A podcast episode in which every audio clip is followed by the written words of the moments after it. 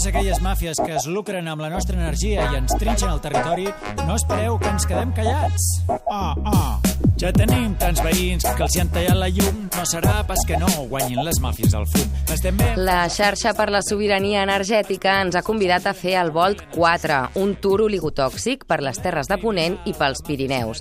Durant tot un cap de setmana hem fet xarxa amb activistes que lluiten per la defensa del territori i els subministraments bàsics i que aposten per un nou model energètic a Catalunya, a l'estat espanyol i a Europa des del nostre territori. Lourdes Verdier, de la xarxa per la sobirania energètica. O sigui, vam néixer arran de la plataforma Aturem el fracking, en base a la reacció a un projecte imposat i la reacció ciutadana a aquesta manca de transparència i agressions al territori, i llavors ens vam ajuntar no només en plan reactiu, sinó en plan propositiu per, per defensar un nou model energètic, en el que vam considerar de bon principi que el problema principal no seria que no hi hagués una transició a un model renovable, sinó qui faria aquesta transició, no? Qui seria aquest eh, subjecte de la sobirania energètica, no? que, que defensem que haurà de ser pues, la ciutadania, els pobles i, i la, la, la xarxa ciutadana.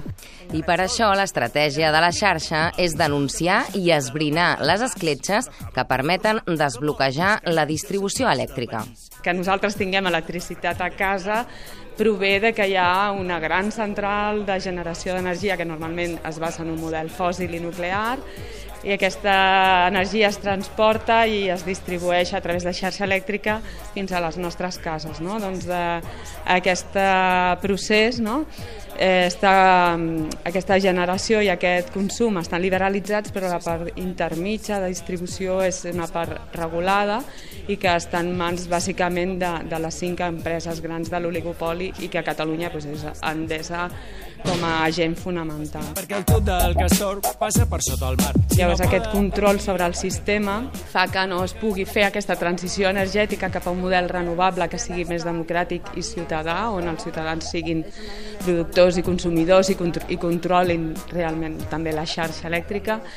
I està lastrant o obstaculitzant la transició energètica renovable i també bueno, doncs està afectant a tot el tema de, de, de tarifes, de pobresa energètica, de control de, del sistema, d'on prové aquesta energia, afectacions al sud global, tot el model que tenim eh, obsolet, fòssil, capitalista, eh, heteropatriarcal. O si sostenen dictatures a Nigèria, la llei del sector elèctric contempla la possibilitat de fer compres forçoses de, de, de distribuïdores elèctriques o fer expropiacions en el cas que es justifiqui per un tema mediambiental o de, de negligència en l'estat de les xarxes elèctriques o fins i tot de transició tecnològica, com seria el cas d'una transició d'un sistema centralitzat a un de renovable que implica un canvi tecnològic de la xarxa de distribució. S'ha acabat el temps del lligam corporatiu amb l'autogestió, apostem per lo cooperatiu.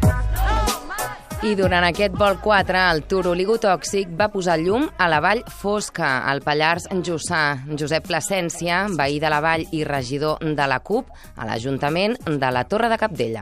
És un municipi amb sis centrals hidroelèctriques, una, la central de Sallente, que és la central més potent de l'Estat, la central de Capdella, que és la primera central de l'Estat amb el salt més alt de 840 metres, i després eh, quatre minicentrals. Això és el que trobem en aquest territori, a part de les 25 preses i dues autopistes elèctriques que la travessen, i aquesta és la situació de les veïnes i els veïns que lluiten en contra del gravamen abusiu de l'IVA a les factures. Endesa té un conveni amb l'Ajuntament i, els veïns, i els veïns de la Vall Fosca en què les condicions de subministrament elèctric són molt avantatjoses per als veïns i llavors això és una pedra a la sabata per poder vendre les centrals, que és la, la intenció que té. Llavors, des de fa bastants anys, ha intentat erosionar aquest contracte i introduint clàusules eh, que limitaven els drets dels veïns i del municipi, però últimament, des del 2009, doncs, ha, ha, ha començat ja la via dels fets consumats, de pujar les tarifes, d'aplicar tributs que, que no ens toquen pel, pel contracte que tenim i ja l'any passat doncs, amb amenaces va, va provocar talls a veïns eh, i va portar a judici quatre veïns i l'Ajuntament i ara últimament doncs, s'ha venut el suposat deute a, a uns cobradors del FRAC que estan amenaçant els veïns contínuament amb, amb querelles i talls de llum. Josep Plasència ens explica les tàctiques dels veïns de la Vallfosca a l'hora de resistir durant tots aquests anys. Els veïns de la Vallfosca vam estar eh, 8 anys sense pagar la factura de la llum en, en resposta a, a la facturació fraudulenta que feia Endesa i fa un any tot just Endesa mm, amb amenaces i talls de llum a veïns va aconseguir que una part important doncs, doncs accedís a, a pagar provisionalment eh, el deute que ella reclame, tot i que no, no renuncien a reclamar-ho via judicial, però per evitar els talls de llums doncs, l'Ajuntament i molts veïns doncs, van acceptar les condicions abusives d'Endesa, tot i que encara hi ha, com he dit, 30 veïns que autoliquiden els seus consums en funció del seu contracte i no, no accedeixen al que reclamen Endesa fraudulentament. I aquesta és la situació en què es troben els veïns actualment i la proposta que tenen per continuar lluitant per defensar els seus drets. Pues encara hi ha més de 30 veïns fent autoliquidacions, és a dir, que ingressen a Endesa el que tenen per, per contracte i no el que ella fraudulentament els, els reclame i a nivell veïnal també doncs, estem reclamant i des de l'oposició eh, doncs estem a sobre de la companyia amb el compliment de, dels cabals ecològics, amb la restauració del llac de Saburó eh, i també estem demanant la municipalització de les centrals per l'incompliment del contracte i pel venciment de les concessions. Serà pas perquè no xuti la nuclear.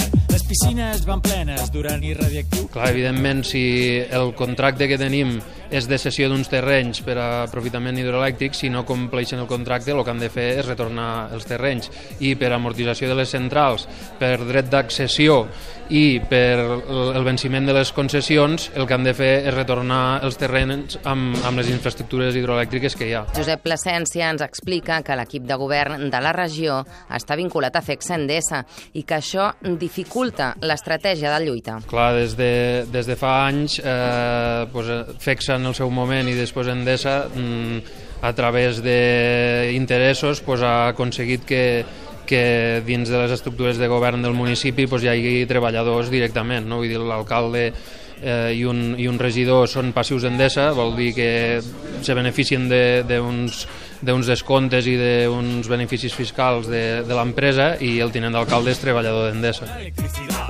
Es la expansión del poder corporativo destruyendo el planeta sin ningún motivo.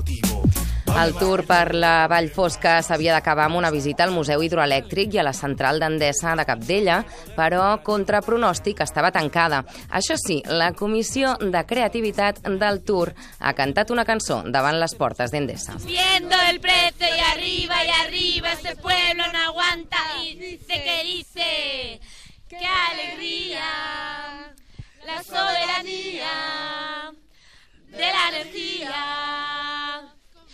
que te combate, combate al magnate. ¿Cómo van sortir estas estrofas? La Comisión de, de, Creatividad, sí, por mucho que nos quieran hacer pensar que no hay alternativas, nosotros les vamos a combatir con la, con la alegría, celebrando la vida y cantándoles todas las injusticias que nos plantan cada día. Todo lo que habéis cobrado, estafa contra naturalesa. Cada vegada proliferen més projectes d'interconnexió elèctrica i de gas pels Pirineus per l'afany europeu de continuar impulsant un model energètic centralitzat basat en les grans infraestructures. Des d'aquest espai recomanem el llibre que acaba de publicar justament la xarxa per la sobirania energètica i que porta per títol Tenim energia, un llibre llibre editat per l'editorial Icària i que recull els seus temes principals de treball i una declaració d'intencions que els impulsa, entre altres coses, a tornar a voltar per les lluites en defensa del territori a Catalunya.